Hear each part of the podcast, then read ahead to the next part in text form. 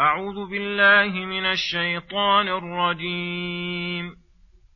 وإذ بوأنا لإبراهيم مكان البيت ألا تشرك بي شيئا وطهر بيتي للطائفين والقائمين والركع السجود وأذن في الناس بالحج يأتوك رجالا وعلى كل ضامر وعلى كل ضامر يأتين من كل فج عميق ليشهدوا منافع لهم ويذكروا اسم الله في أيام معلومات على ما رزقهم من بهيمة الأنعام. فكلوا منها وأطعموا البائس الفقير. ثم ليقضوا تفثهم وليوفوا نذورهم وليطوفوا بالبيت العتيق ذلك ومن يعظم حرمات الله فهو خير له عند ربه واحلت لكم الانعام الا ما يتلى عليكم فاجتنبوا الرجس من الاوثان واجتنبوا قول الزور حنفاء لله غير مشركين به ومن يشرك بالله فكانما خر من السماء فتخطفه الطير أو تهوي به الريح في مكان سحيق. بسم الله الرحمن الرحيم. السلام عليكم ورحمه الله وبركاته. يقول الله سبحانه إذ بوأنا لإبراهيم مكان البيت ألا تشرك بي شيئا وطهر بيتي الطائفين والقائمين والركع السجود. يذكر تعالى عظمة البيت الحرام وجلالته وعظمة بانيه وهو خليل الرحمن فقال وإذ بوأنا لإبراهيم مكان البيت أي هيأناه له وأنزلنا إياه وجعل قسما من ذريته من سكانه وأمره الله ببني وأمره الله ببنيانه فبناه على تقوى الله وأسسه على طاعة الله وبناه هو وابنه إسماعيل وأمره ألا يشرك به شيئا بأن يخلص لله أعماله ويبنيه, ويبنيه على اسم الله. وطهر بيتي أي من الشرك والمعاصي ومن الأنجاس والأدناس. وأضافه الرحمن إلى نفسه لشرفه وفضله. ولتعظم محبته في القلوب وتنصب إليه الأفئدة من كل جانب وليكون أعظم لتطهيره وتعظيمه لكونه بيت الرب للطائفين به والعاكفين عنده المقيمين لعبادة من العبادات من ذكر وقراءة وتعلم علم وتعليمه وغير ذلك من أنواع القرب.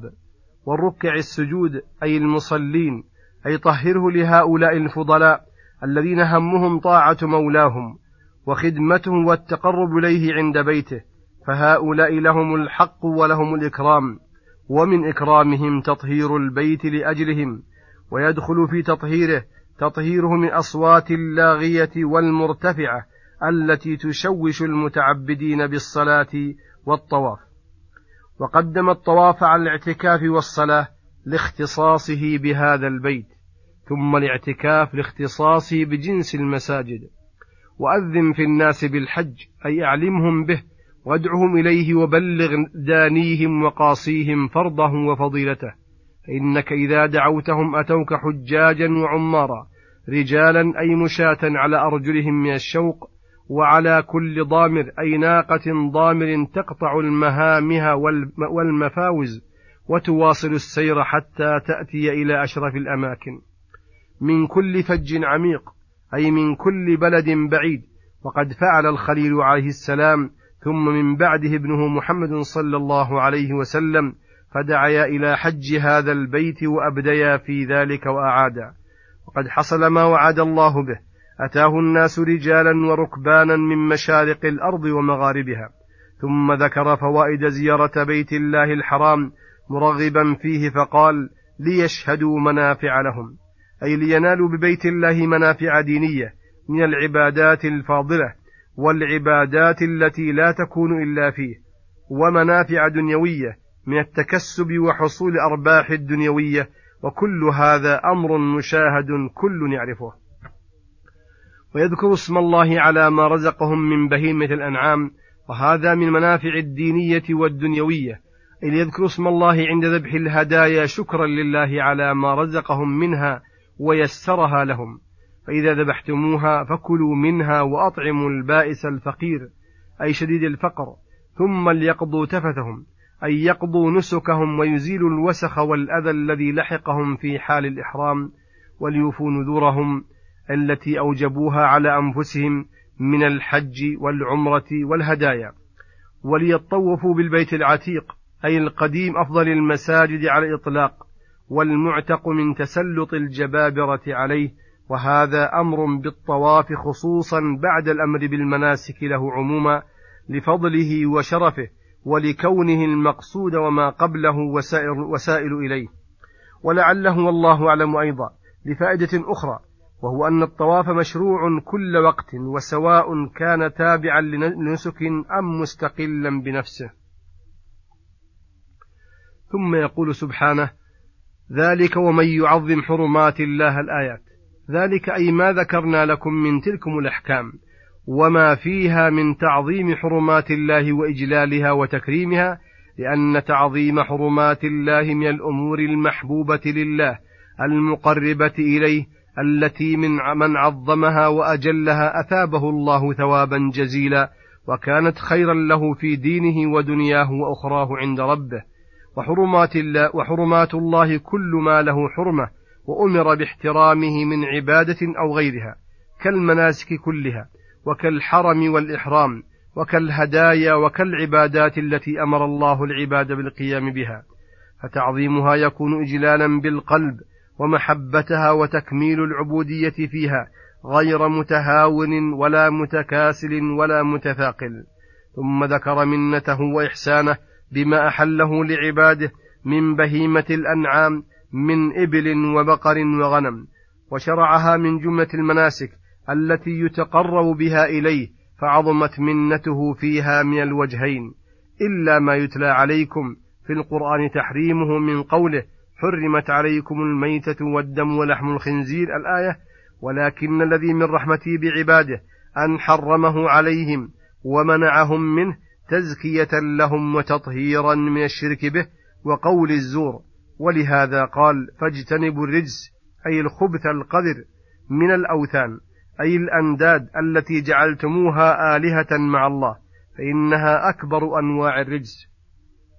والظاهر أن من هنا ليست ببيان لبيان الجنس كما قاله كثير من المفسرين وإنما هي للتبعيض وأن الرجس عام في جميع المنهيات المحرمات. فيكون منهيا عنها عموما وعن الأوثان التي هي بعضها خصوصا.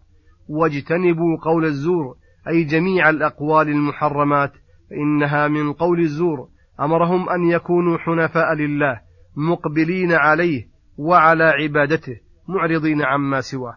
غير مشركين به ومن يشرك بالله فمثله فكأنما خر من السماء أي سقط منها فتخطفه الطير بسرعة أو تهوي به الريح في مكان سحيق أي بعيد كذلك المشركون. فالإيمان بمنزلة السماء محفوظة مرفوعة ومن ترك الإيمان بمنزلة الساقط من السماء عرضة للآفات للآفات والبليات. فإما أن تخطفه الطير فتقطعه أعضاء كذلك المشرك إذا ترك على الاعتصام بالإيمان تخطفته الشياطين من كل جانب ومزقوه وأذهبوا عليه دينه ودنياه. وإما أن تأخذه عاصفة شديدة من الريح فتعلو به في طبقات الجو فتقذفه بعد أن تتقطع أعضاؤه في مكان بعيد جدا. وصلى الله وسلم على نبينا محمد وعلى آله وصحبه أجمعين. وإلى الحلقة القادمة غدا إن شاء الله. والسلام عليكم ورحمة الله وبركاته.